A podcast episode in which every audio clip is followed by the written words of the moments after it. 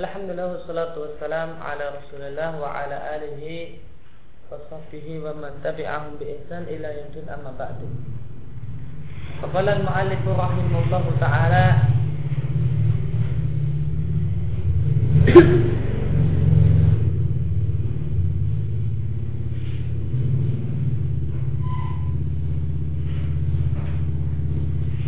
وقد روي عن النبي صلى الله عليه وسلم في الحديث الصحيح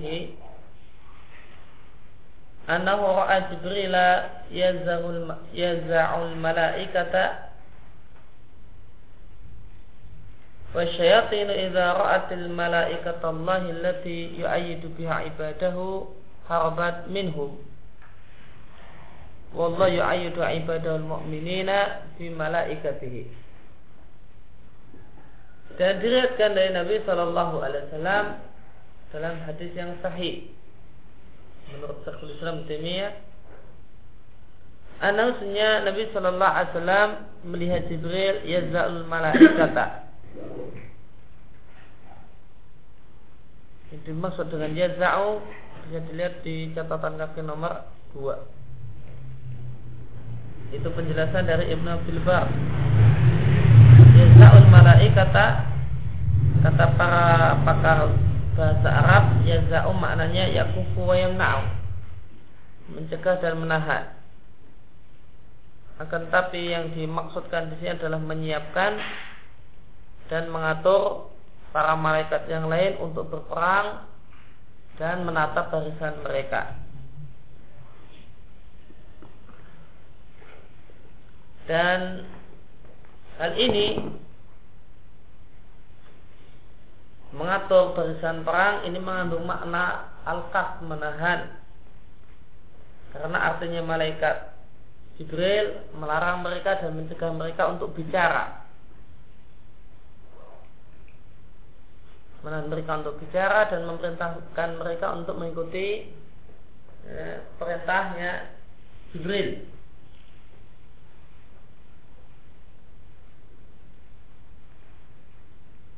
Nah hadis ini, hadis yang menceritakan hal ini dikatakan oleh Syekhul Islam sebagai hadis yang sahih.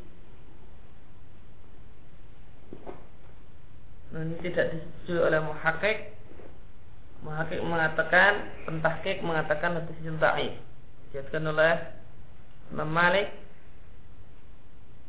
dan yang lainnya.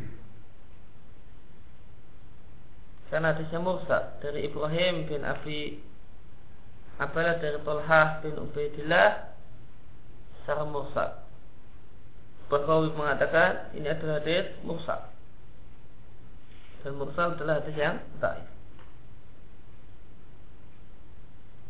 Dan dan ditaifkan oleh Al Albani di taif tarhib wa tarhib.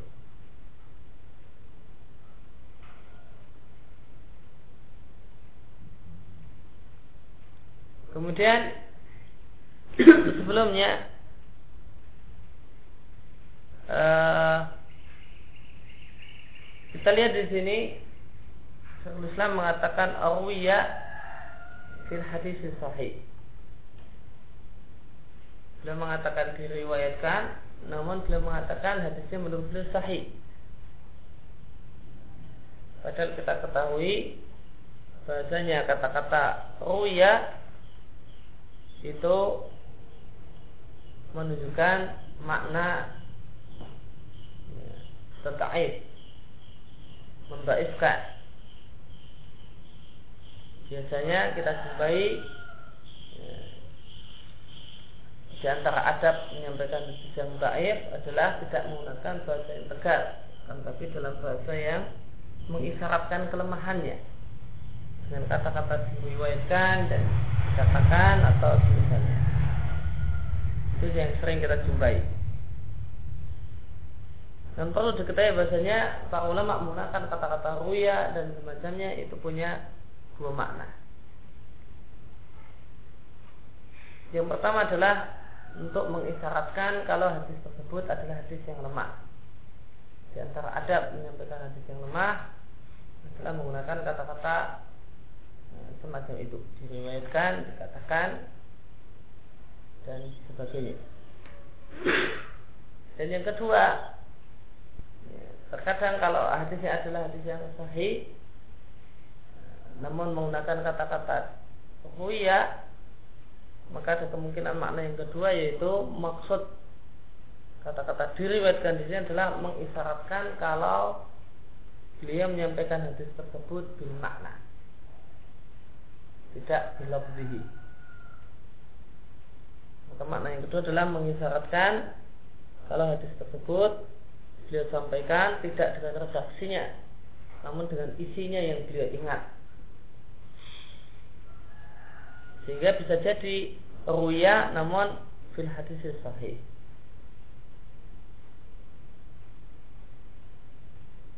Wasyayatin dan setan jika melihat malaikat yang Allah gunakan untuk menguatkan hamba-hambanya maka mereka kabur.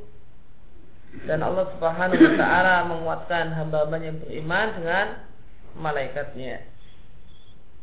Allah berfirman, "Isyuhi rabbuka ilal malaikati ketika Rabb berfirman kepada para malaikat, "Ani ma'akum." Maksudnya aku bersama kalian wahai para malaikat. Dengan kebersamaan yang khusus. Fasabitul ladina amanu maka kokohkanlah tegakkanlah orang-orang yang beriman. Allah juga berfirman di surat Al-Ahzab orang-orang yang beriman ingatlah nikmat Allah atas kalian. Idja'atkum junudun. Ketika datang kepada kalian banyak tentara Yaitu tentara Ahzab Di perang Khandaq Yang terjadi pada tahun 5 Hijriah. Fa'arsalna alaihim rihan maka kami kirimkan untuk menghancurkan pasukan tersebut rihan angin wajunu dan lam tarauha dan para tentara yaitu malaikat yang kalian tidak melihatnya. Maka di antara sebab hancurnya pasukan Ahzab adalah Allah kirimkan angin dari yang sangat dingin sehingga matilah semua e, perapian mereka dan dan terbaliklah tunggu-tunggu mereka copotlah tenda-tenda mereka. Dan pada yang sangat dingin. Ini menyebabkan dan pasukan Azab ini bubar dan kalahlah mereka. Tumma angzalallahu sakinatahu ala rasulihi. Dan Allah turunkan ketenangan kepada rasulnya. Wa alal mu'minin dan kepada orang-orang beriman. Wa angsara dan lam tarauha dan Allah turunkan tentara yang kalian tidak melihatnya. Dan Allah berfirman jika kalian tidak menolongnya nasarallahu. Maka sungguh Allah telah menolongnya. It kafaru ketika orang-orang kafir mengusirnya. Sanyasna ini ketika dia adalah orang yang kedua dari dua orang. Dan yang lain adalah Abu Bakar Yaitu fil ketika keduanya yaitu Rasulullah SAW di dan Abu Bakar di gua Jabal Sur Idyakul li sahibihi ketika Rasul berkata kepada sahabatnya yaitu Abu Bakar.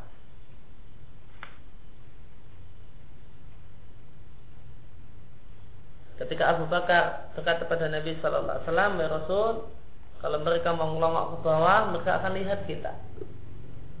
Maka Nabi Sallallahu Alaihi Wasallam mengatakan kepadanya la tahzan innallaha ma'ana. Janganlah engkau sedih ini Allah bersama kita. Itu dengan ma'iyah khassa dengan pertolongannya. Fa'angsalallahu sakinatahu Maka Allah menurunkan ketenangannya Ketenangan. Alaihi. Tafsir lain Alaihi Ini uh, Ada yang mengatakan kembali kepada Nabi Dan ada yang mengatakan pada Abu Bakar Allah subhanahu wa ta'ala menurunkan ketenangan kepada Nabi Sallallahu Alaihi Wasallam Atau menurunkan ketenangan kepada Abu Bakar Wa ayyadahu dan Allah Subhanahu wa taala kuatkan Nabi sallallahu alaihi wasallam bijunudim lam tarauha dengan para tentara yaitu para malaikat yang kalian tidak melihatnya. Kita para malaikat di gua tersebut. Malaikat di gua tersebut dan di tempat-tempat peperangan Nabi.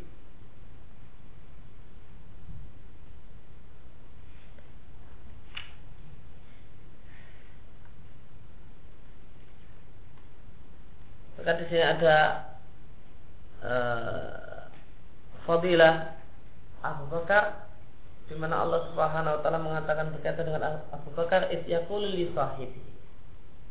Ketika Nabi Shallallahu alaihi wasallam berkata pada sahabatnya, maka Allah Subhanahu wa taala menegaskan bahasanya Abu Bakar adalah sahabat Nabi Shallallahu alaihi wasallam.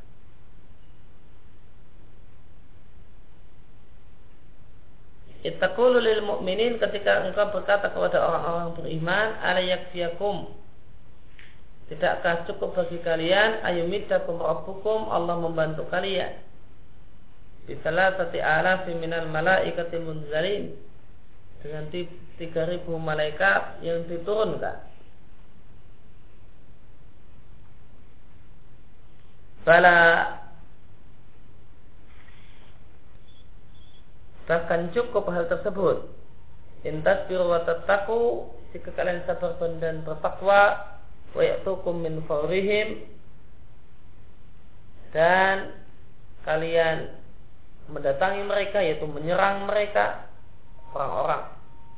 Wa ya'tukum dan e, Mereka menyerang kalian. Mereka orang-orang musyrik mendatangi kalian. Min fawrihim Segera pada waktu mereka hada yumditukum rabbukum bi khamsati alafin minal malaikati musawwimin. Maka inilah Rabb kalian memberikan bantuan kepada kalian dengan 5000 malaikat yang diberi tanda.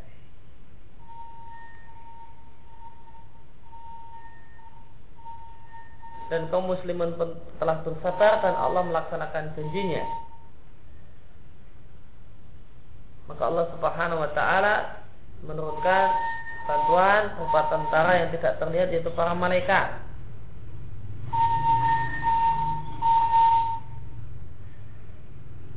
Yang malaikat ini menunggang kuda dan ciri mereka diberi tanda kata Allah musawamin diberi tanda dan ciri mereka adalah bersurban di, di, di tafsir lain disebutkan bersurban kuning atau bersurban uh, uh, putih yang sorbannya itu ujung sorbannya dilepas di antara pundak. Tidak ditaruh di sini namun dilepas di antara pundak.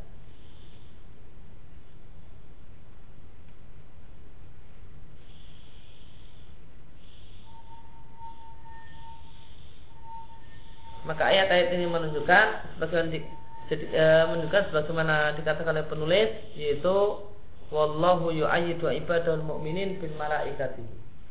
Allah Subhanahu wa taala membantu menguatkan hamba-hamba yang beriman dengan mengutus para malaikatnya.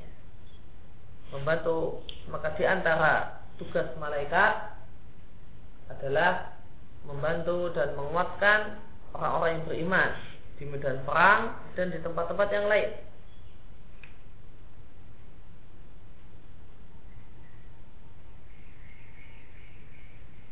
Kemudian tadi kita jumpai ada dua uh, ada dua ayat berkaitan dengan ma'iyah anim akum di surat Al-Anfal dan di surat At-Taubah la tahzan innallaha ma'ana. Janganlah bersedih Allah Subhanahu wa taala bersama kita. Dan ayat ini sebagaimana tadi kita singgung adalah menunjukkan ma'iyah khasah kebersamaan Allah Subhanahu wa taala terhadap hambanya itu ada dua macam, ada ma'iyah ammah dan ada ma'iyah khassa. Ada kebersamaan yang bersifat umum. Itu kebersamaan Allah kepada seluruh makhluknya.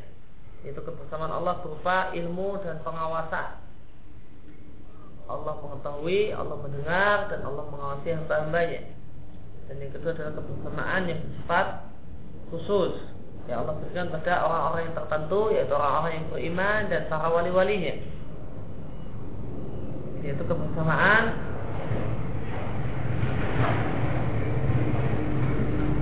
Dengan makna bantuan dan pertolongan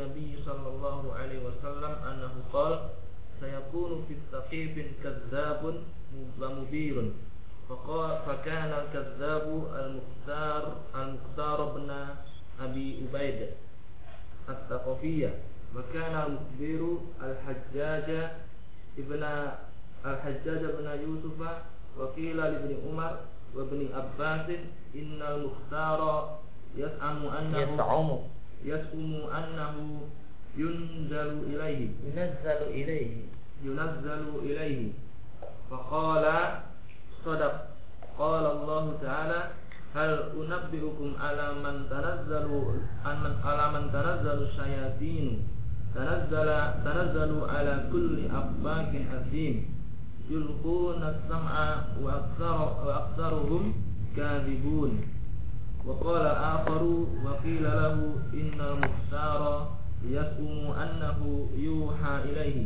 فقال قال الله تعالى وإن الشياطين ليوحون إلى أوليائهم ومن ها ومن هذه الأرواح الشيطانية الروح الذي يزعم صاحب الفتوحات أنه ألقي إليه ذلك الكتاب ولذلك يذكر أنواعا من ال- من الخلوات بطا- بطعام معين وحال معين وهذه مما يفتح لأصحابه الاتصال بالجن والشياطين. فيظنون ذلك من كرامة الأولياء وإنما هو من الأحوال الشيطانية وأعرف وأعرف وأعرف من هؤلاء وأعرف من هؤلاء أعدادا ومنهم من كان يحمل fil hawa'i ila makanin ba'idin wa ya'udu. Wa minhum man kana yu'ta bimalin masruqin tasruquhu sayatinu wa ta'tihi bihi. Wa minhum man kanat tadulluhu ala ala sarab ala sarati ala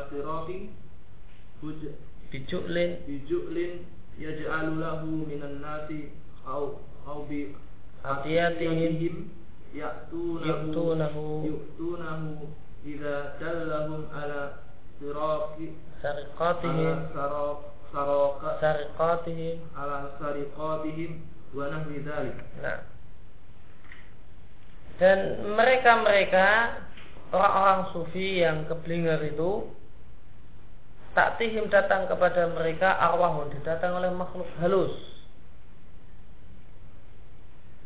Fatu khatibuhum lalu makhluk halus tersebut mengajak mereka bicara wa tatamatsal lahum dan berupa di hadapan mereka datang dalam bentuk rupa tertentu.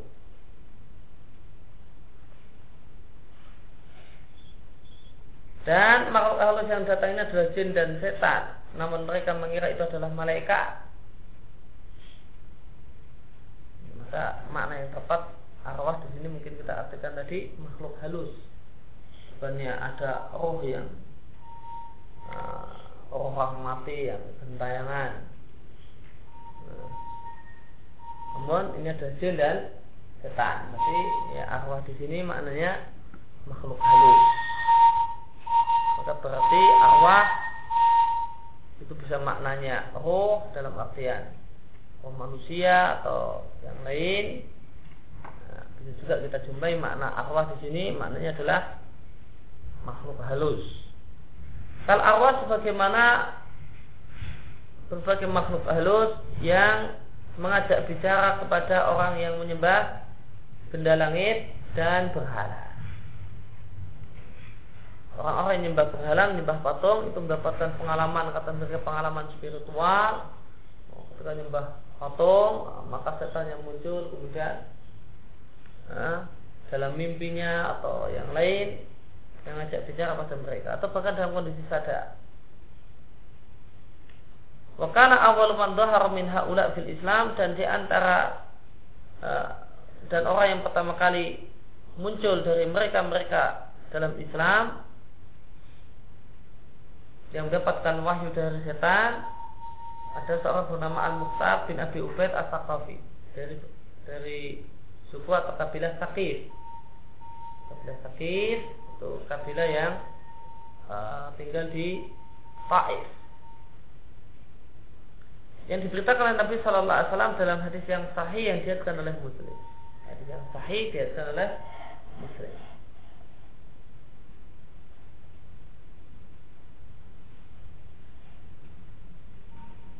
Maka di sini ada pelajaran berkaitan dengan masalah hadis. Syekhul Islam mengatakan fil hadis sahih ala dirawahu Muslim. Ini ada pelajaran berkaitan dengan masalah hadis, ada faedah berkaitan dengan masalah hadis yaitu uh, Syekh Al-Albani di sebagian buku-buku beliau atau tahqiq beliau untuk ya, tahqiq beliau itu beliau berkomentar ketika mengomentar satu hadis saya katakan misalnya sahih riwayat Bukhari sahih riwayat Muslim kadang nah, bahkan sahih riwayat Bukhari dan Muslim Nah perbuatan beliau ini Nah, dikritik dan dicela oleh sebagian orang. Gak perlu mengatakan sahih riwayat Muslim, sahih riwayat Bukhari. Riwayat Bukhari ya sahih. Riwayat Muslim ya sudah sahih. Sudah tentu sahih. Gak perlu dikasih embel-embel di depan. Sahih uh, Muslim, sahih uh, Bukhari. Ini seakan-akan menunjukkan mengisyaratkan kalau ada yang baik di Bukhari dan ada yang baik di Muslim. Jika dikatakan sahirat muslim, sahirat Bukhari. Ada sebagian orang yang mencela e, mengkritik Al-Albani berkaitan dengan e, gaya penulisan semacam ini. Maka Al-Albani memberikan pembelaan bahasanya yang melakukan semacam itu bukan hanya beliau. Para ulama-ulama terdahulu itu pun juga punya metode semacam itu sahirat Bukhari, sahirat Muslim. Nah, kita jumpai di sini salah satu contoh uh, yang menunjukkan bahasanya itu bukanlah perbuatan mengada-ada kreasi Albani tanpa ada contoh dari para ulama hadis sebelumnya adalah kita jumpai di sini. Perkataan Syekhul Islam di sini beliau mengatakan bila hadis sahih ala dirwah muslim. Hadis sahih Muslim. Syekhul Islam mengatakan sahih riwayat Muslim. Maka tuduhan bahkan Salman dituduh ini adalah uh, kreasi baru kreasi barunya Albani. Nah, udah Muslim masih dikatakan sahih Muslim sahih riwayat Bukhari. Maka Albani memberikan pembelaan bukan satu hal yang bukan saya mengada-ada, saya banyak contoh ada lama-lama terdahulu yang mencontohkan gaya penulisan semacam itu. Maka kita jumpai di sini contoh di antara contoh ulama sebelum Albani yang me menggunakan gaya penulisan semacam itu. Atau sejenis.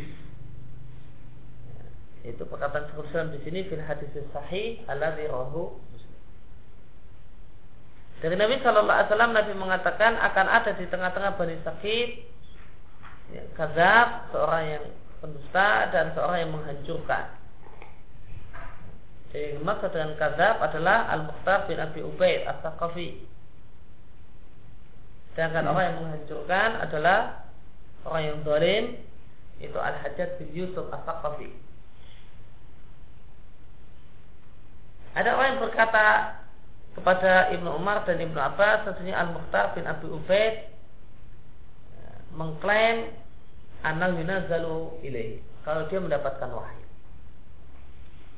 Maka keduanya Ibnu Umar dan Abbas mengatakan betul benar. Ya. Mukhtar itu mendapatkan wahyu, namun wahyu dari setan. Allah Subhanahu wa taala berfirman, "Qul qul hal unabbiukum alaman tanazzalu syayatin." Maukah aku beritahukan kepada kalian siapakah orang-orang yang setan itu turun padanya? Tanazzalu mana aslinya adalah bahasanya adalah tatanazzalu. Kemudian tak yang pertama dibuang. Tatanazzalu ala kulli afakin ati setan itu turun pada setiap pembohong dan orang yang berkelimang dosa. Yulquna sama'a. Yulquna as-sam'a. Apa yang dimaksud yulquna as-sam'a? Di tafsir jalan lain yulquna as-sam'a artinya setan memberikan as-sam'a.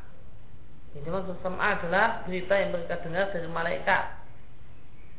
Mereka mereka sampaikan as-sam'a ini kepada wali-walinya, dukun dan orang-orang yang semisal dengannya. Macam Mukhtar bin Abi Ubaid. Wa aktsaruhum kadzibun. Dan mayoritas mereka adalah bohong. Artinya menambahi apa yang didengar, apa yang didengar dengan kedustaan yang banyak. Bahkan Nabi katakan ditambahi dengan 100 kedustaan. Dan setan ini bisa memberikan apa yang dia dengar kepada para malaikat sebelum ya, setan itu dihalangi untuk bisa mendekati langit. Kalau sekarang maka sulit hal ini terjadi karena setan telah dihalangi sejak mendekati langit dunia. Jadi terjadi sejak diutusnya Nabi kita Muhammad Sallallahu Alaihi Wasallam.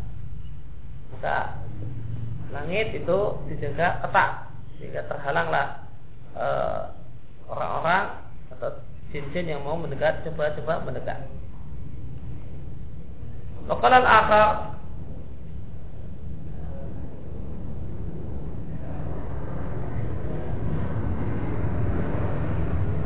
Dan berkata yang lain, sahabat yang lain bagaimana Wakilah lalu ada orang yang berkata pada sahabat tersebut bahasanya Mukhtar itu mengklaim bahasanya dia mendapatkan wahyu. Maka yang dimintai komentar mengatakan Allah berfirman wa inna syayatina la yuhuna ila awliyaihi. Memang ya setan itu memberikan wahyu kepada wali-wali mereka. Enggak salah kalau dia mengatakan dan mengaku-ngaku mendapatkan wahyu. Dan di antara hal tersebut wahyu di antara hal tersebut adalah al arwah asyaitaniyah, makhluk halus berupa setan.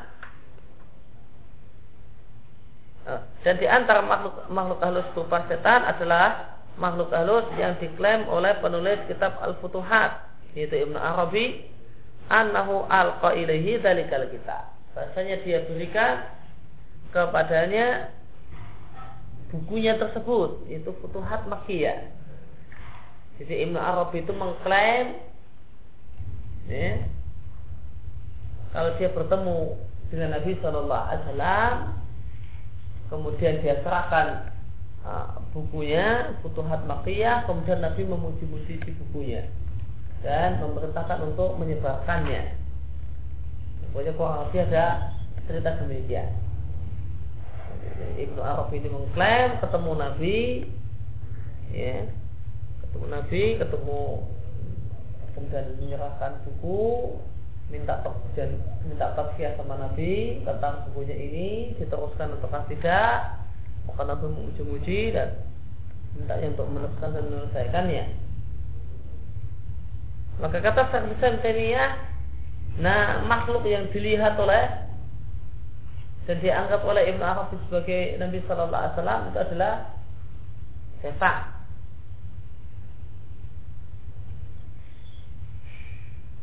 Yang diklaim oleh penulis kitab Futuhatul Makkiyah Maksudnya dia serahkan bukunya kepadanya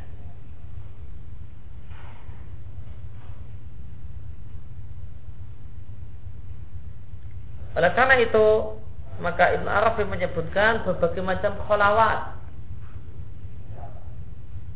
Nah, di antara ritual bid'ah yang e, dimiliki oleh orang-orang sufi adalah satu ritual yang dalam istilah mereka disebut khulwah. Khulwah ini ya e, semacam kalau bahasa Jawa ya nenepi semedi di tempat yang sepi mungkin di kamar gelap atau bahkan mereka buat ruangan bawah tanah uh, di rumah mereka nah, ini kemudian mereka di situ menepi. Ruangnya gelap tidak ada siapa-siapa. Ini khulwah kata mereka ini adalah di antara bentuk ibadah. Untuk mendekatkan diri adalah khulwah dalilnya adalah Nabi tahanus di Gua Hira. Dalilnya Gua Hira. Nabi Shallallahu Alaihi Wasallam semedi menepi sepi-sepi di gua Hira. Maka ini bukan bahasanya ini adalah satu hal yang uh, masro, satu hal yang disyariatkan. Ini ada satu yang tidak benar. Ya, Nabi Wasallam tidak pernah bersemedi lagi di gua Hira setelah dapat wahyu. Di gua Hira atau gua-gua yang lain. Demikian juga sahabat tidak ada yang pernah melakukannya. Dan Nabi melakukan hal ini uh, uh, menepi Eh, merenung di tempat yang sepi sebelum beliau mendapatkan wahyu. Setelah beliau dapat wahyu, beliau tidak pernah lagi melakukannya di gua Hira atau gua yang lainnya demikian juga sahabat yang lain juga tidak ada yang mempraktekannya. Makin bukan tidak benarnya anggapan orang-orang sufi bahasanya di antara ibadah yang disyariatkan adalah al-khulwah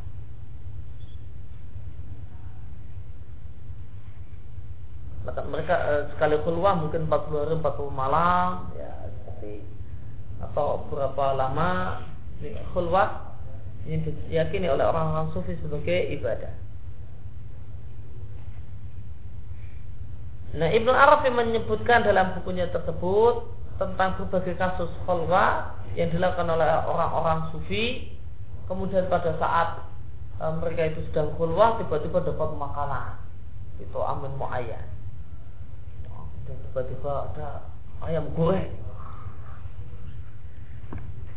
Tiba-tiba ada ayam panggang.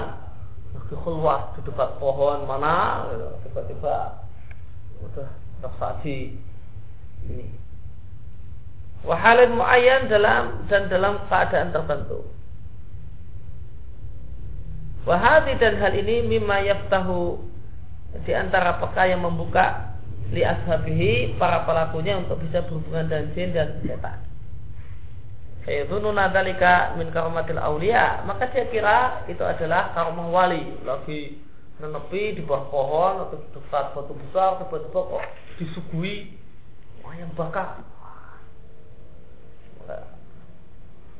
Dia kira ini adalah karomah wali.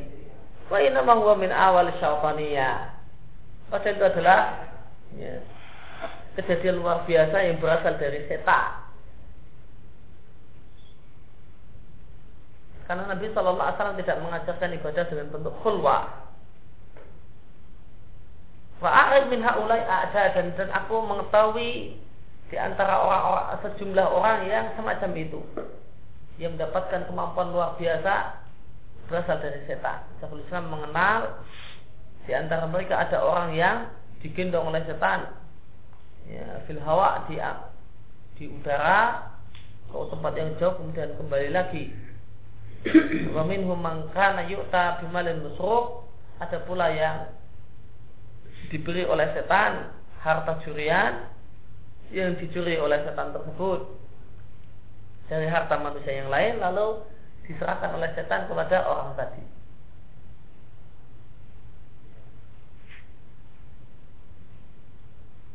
tuyul kata kita maksudnya namanya tuyul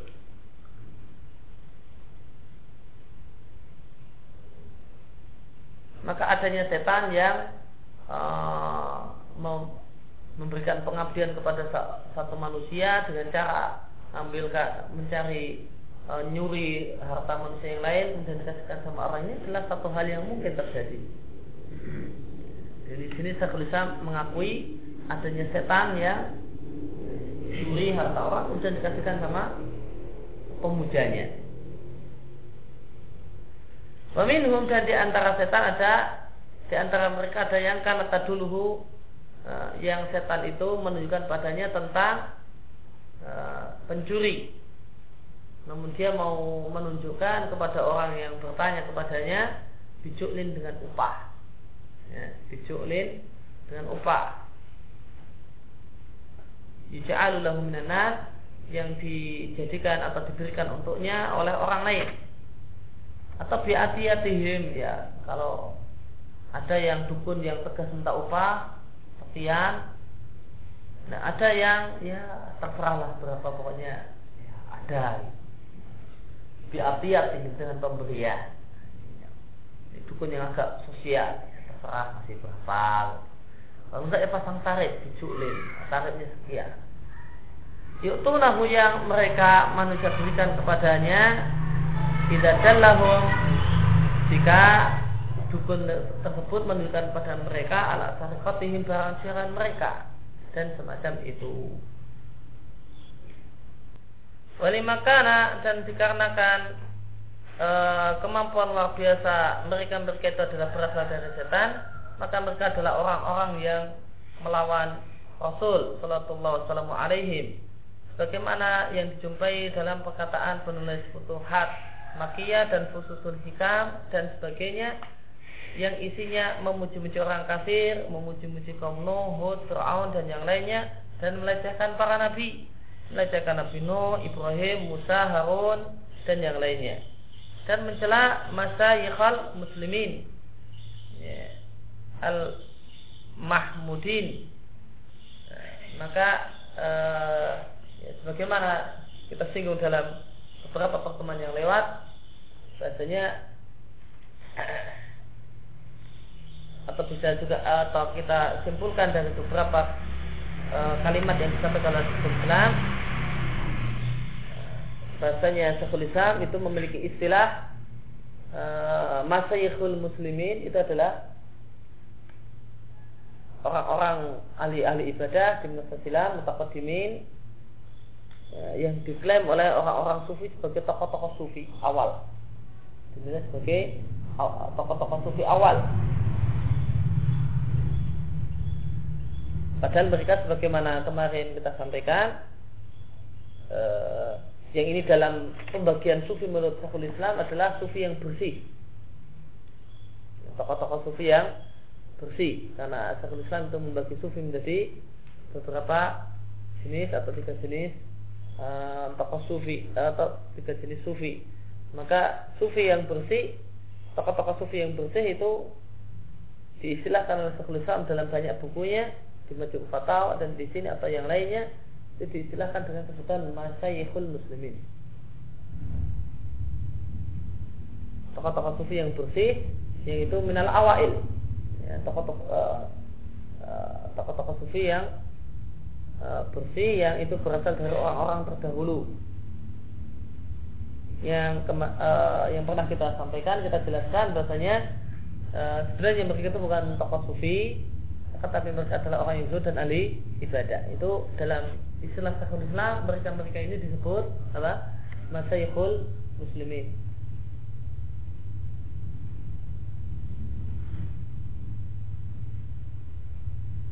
Namun karena mereka-mereka ini diklaim oleh orang-orang sufi sekarang sebagai panutan mereka, sebagai tokoh-tokoh besar mereka, ya maka Syekhul Islam ya mengatakan bahwa mereka adalah orang-orang sufi yang bersih.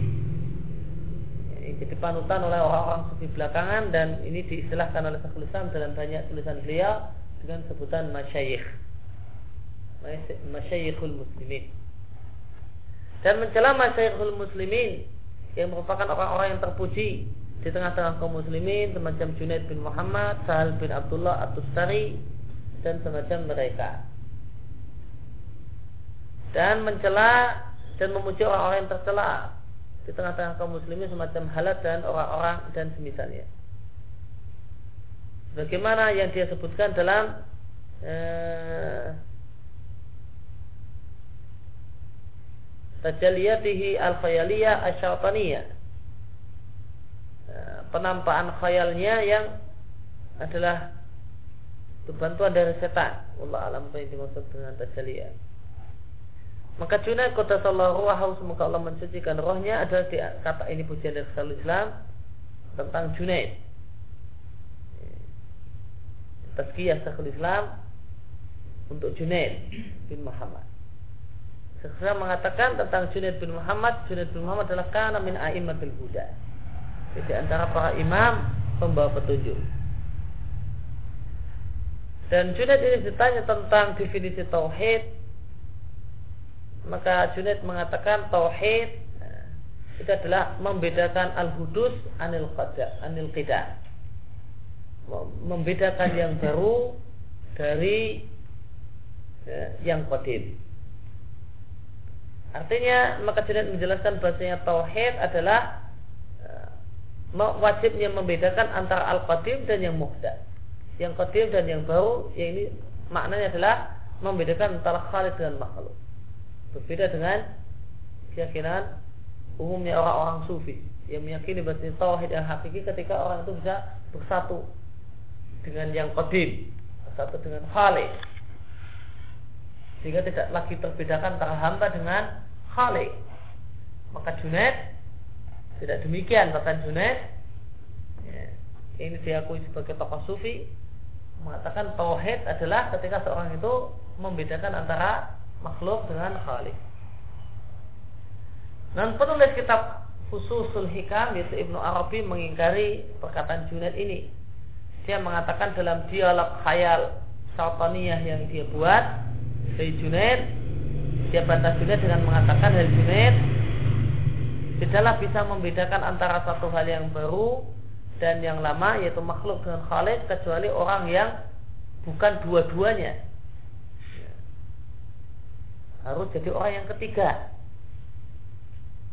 Kata Ibnu Arabi membantah Junaid yang bisa membedakan A ini bukan B, B ini bukan A adalah C. Maka yang bisa membedakan antara khalik itu bukan makhluk, makhluk bukan bukan khalik adalah bukan makhluk dan bukan khalik dan tidak ada di dunia ini. Maka Ibnu Arabi membantah Junaid dengan menggunakan logika dengan mengatakan ya A tidak bisa dibedakan dan dikatakan bukan B kecuali oleh C. Fa al Junaida maka dia salahkan Junaid. Ibnu Arabi ini menyalahkan Junaid dalam perkataan Junaid ifradul muhdas minal qadim. Di anak kaulahu. Kenapa dia salahkan Junaid? Karena pendapatnya Ibnu Arabi, perkataannya Ibnu Arabi adalah inna wujudul muhdas wa ain wujudul qadim. Sesungguhnya wujud makhluk itu adalah ya sama dengan wujud Allah itu sendiri. Karena saya penganut paham wahdatul wujud maka semua wujud yang ada ini tembok melihat tembok itu yang melihat Allah melihat rambutan itu yang melihat Allah makan rambutan itu berarti makan Allah karena semuanya wujud hanyalah wujud Allah. Sebagaimana perkataan Ibnu Arabi dalam Fususul Hikam. Ibnu Arabi mengatakan di antara nama Allah yang terbaik adalah Al-Ali yang maha tinggi. Yaitu maha tinggi, tinggi di atas selainnya. Namun kata Ibnu Arabi, wa masama ilahua, namun tidak ada selain dia. Jika demikian, lalu tinggi di atas siapa? Tinggi di atas Siapa? Karena tidak ada siapa-siapa kecuali dia. Wa amma dan tinggi dari apa? Wa mahuwa ila ila huwa dan tidak ada di dunia ini kecuali dia. Maka jadinya uluhu li nafsi wa ainul mawjudah. Maka ketinggiannya atas eh, ketinggiannya yang dimiliki oleh dirinya itu sama dengan seluruh makhluk yang ada. Fal musamma muhdasat ialah aliyatu lidzatiha walaisat illa huwa maka hal-hal yang bernama itu adalah makhluk dan makhluk-makhluk ini adalah zat yang tinggi dengan zatnya dengan sendirinya. Dan tidak ada di sana kecuali dia. Dia enggak. Tidak ada maknanya jadinya. Ila angkal sampai kemudian Ibnu Arabi mengatakan bahwa maka Allah itu adalah ainu ma batona wa wa ainu ma Dialah yang nampak dan dialah yang tersembunyi. Semua yang nampak itulah ya Allah, semua yang tersembunyi yang tidak nampak itu juga Allah. Wa masama man yarahu ghairahu dan tidak ada di sana orang yang melihat selain Allah. Semua yang dilihat adalah Allah. Wa masama man yantiqu anhu siwahu dan tidak ada di sana tidak ada orang yang berbicara dari Allah yang mengucapkan firman Allah kecuali Allah itu sendiri. Tidak ada orang yang ngomong kecuali Allah, tidak ada orang yang membaca Al-Qur'an kecuali Allah wal musamma dan Allah itulah yang bernama dengan nama makhluk semacam. Ada ada yang bernama Abu Said Kharat atau ada ada nama yang lain ada si Ali ada Zaid semuanya adalah Allah. Maka dia adalah bernama Abu Said Al Kharat dan dan yang lainnya berupa nama-nama makhluk. Dan dialah Zaid dialah Muhammad dialah Ahmad dialah ya, John dialah dan seterusnya. Ini perkataan Ibnu Arabi kutipan dari Ususul Hikam. Fayuqali lihat al-mulhid maka bantahan yang kita berikan kepada orang sesat ini ya, kita katakan bukanlah syarat supaya bisa membedakan dua hal dengan ilmu dan perkataan tidaklah disyaratkan harus menjadi orang yang ketiga untuk bisa membedakan A itu bukan B dan B bukan A itu tidak harus mendatangkan C tidak dalilnya buktinya Faina kula wahidin minan karena setiap dari kita manusia bisa membedakan baina nafsi wa ghairi. Bahasanya dirinya itu bukan orang lain. Bahasanya dirinya itu bukanlah orang lain. Dirinya itu bukan istrinya, dirinya itu bukan anaknya. Walaysa huwa tanpa perlu menjadi orang yang ketiga. Tanpa perlu menjadi orang ketiga. Dan tanpa perlu bertanya pada orang ketiga. Saya ini beda dengan anak saya kan? Saya ini bukan istri saya kan? Saya ini laki-laki bukan kayak dia. Perempuan istri saya yang perempuan kan? Nggak perlu. Tanpa perlu menjadi orang yang ketiga dan tanpa perlu bertanya pada orang yang ketiga. Kok saya bingung saya ini? Sama dengan istri saya apa beda ya Gak perlu. Maka perkataan Ibnu Arabi untuk membedakan A itu bukan B, B bukan A, harus C, itu tidak benar. Semua orang yang mikir ya tahu kalau itu kaidah Ibnu Arabi itu kaidah yang ngawur. Nah, kaidah yang asal ngomong aja kok disyaratkan harus untuk membedakan saya bukanlah kamu itu harus menjadi orang yang ketiga.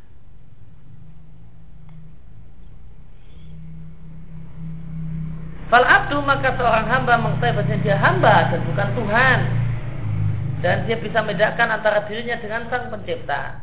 Dan Allah Jalla Jalaluh juga membedakan bahasanya dirinya bukanlah makhluknya. Dan dia tahu bahasanya dia adalah Rabb untuk makhluknya. Dan bahasanya makhluknya adalah hamba-hambanya.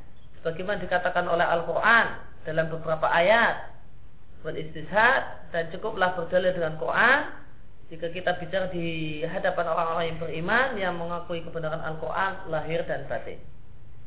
Amma haula ilmu lahidah adapun mereka-mereka orang-orang yang sesat maka mereka mengklaim dan berkeyakinan sebagaimana klaim yang diberikan oleh Tilmisani.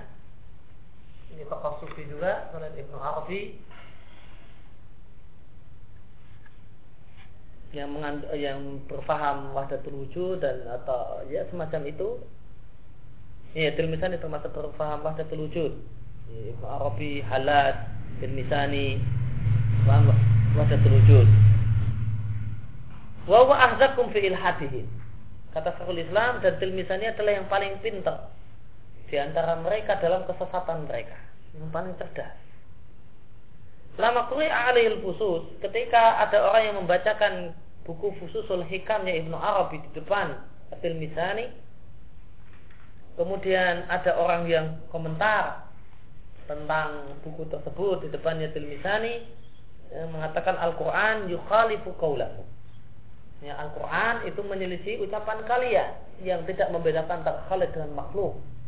Dalam Al-Quran terdapat banyak sangat banyak dalil yang menunjukkan bahwasanya Quran makhluk bukanlah khalik. Khalik bukanlah makhluk. Sedangkan kalian mengatakan khalik ya makhluk, makhluk ya khalik.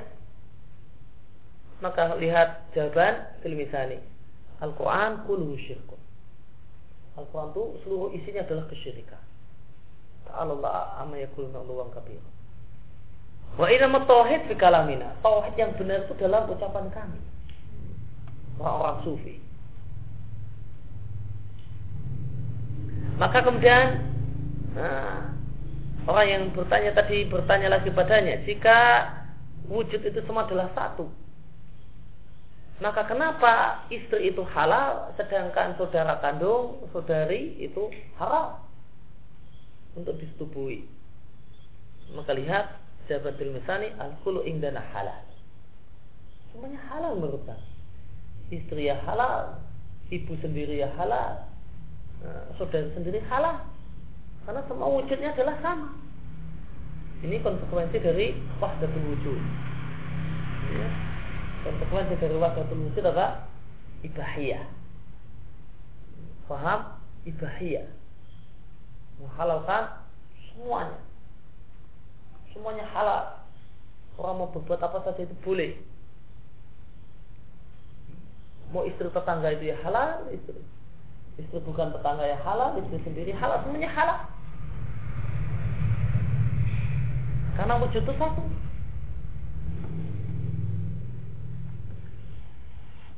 Walakin haula al-mahjubun. Akan tapi mereka-mereka itulah yang terhijabi. Terhijab. Ya, yang tidak sampai kepada kebenaran. Mereka lah yang mengatakan haram Fakulna maka kami katakan orang-orang sufi katakan kepada mereka haramun alaikum. Itu haram menurut kalian. Dan tidak haram menurut kami. Kata Syekhul Islam berkaitan dengan perkataan Tilmisan ini beliau katakan wahada ma'kufril azim. Ini di samping kekufuran yang sangat-sangat besar mutata zahiran. Namun perkataan ini adalah perkataan yang akan kontradiktif. Akan mengandung banyak pertentangan. Yaitu apa? Jika wujud itu adalah satu, maka siapakah yang mahjub dan siapakah yang hajib? Maka siapakah orang yang tadi dikatakan mahjub? Eh, terhalang dari kebenaran itu ajaran sufi. Waman al hajat dan siapa yang ngasih hijab mewujud semuanya sama. Maka mahjub sama dengan hajib sama dengan wairu mahjub. Mahjub itu sama dengan wairu mahjub. Lalu kalau yang demikian yang mahjub itu siapa? Bukankah kamu juga? Hah? Itu sama. Mahjub sama dengan wairu mahjub. Oleh karena itu ada seorang tokoh sufi atau guru sufi berkata pada muridnya dan murid itu artinya adalah istilah sufi. Yeah. Murid itu uh, makna aslinya adalah istilah sufi. Orang-orang uh, murid dari orang-orang yang memiliki irada, orang-orang yang punya keinginan untuk belajar kesufian.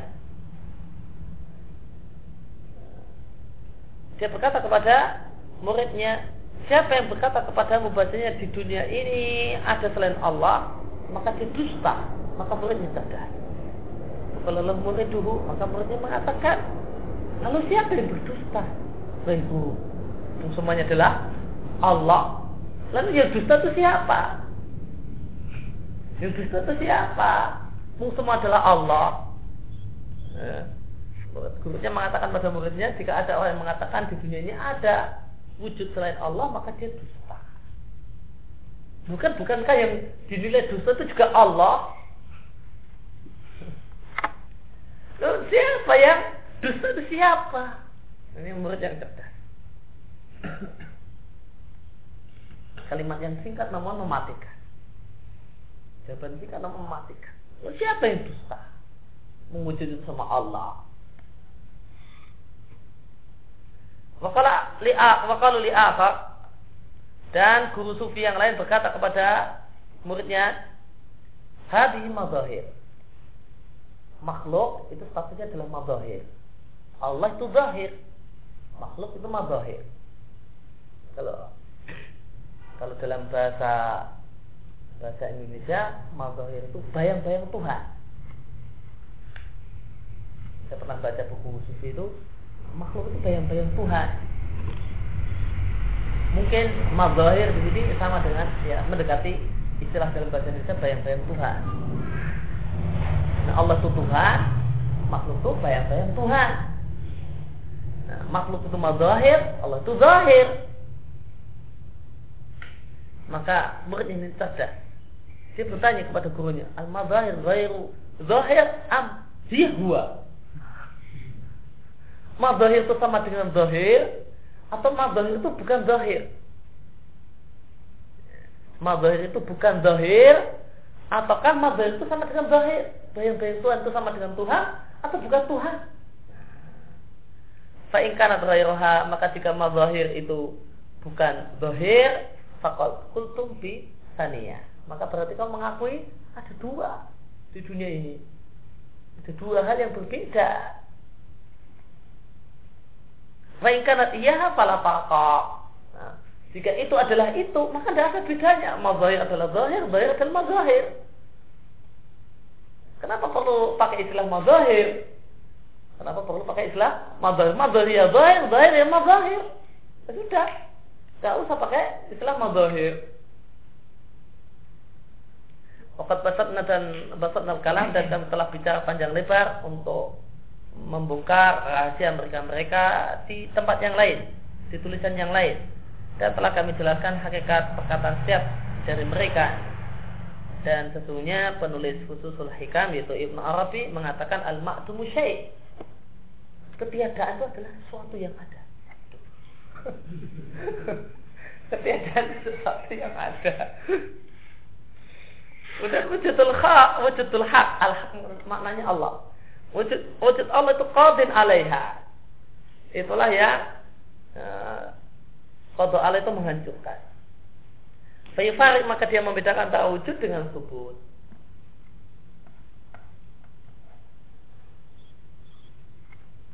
Nah, kalau kita yakini bahasanya yang namanya makdum itu tidak ada di alam nyata. Dia bukan C, bukan makdum. Makdum itu ya bukan C, tidak ada di alam real. Namun Ibn Arabi mengatakan ma'adun itu syai. Ma'adun itu syai. Nah, ini yang kita baca sepakat pada Nabi sallallahu alaihi Muhammad sallallahu alaihi wasallam wa sallam alhamdulillah alamin wa ana qala bihamdika asyhadu an la ilaha illa anta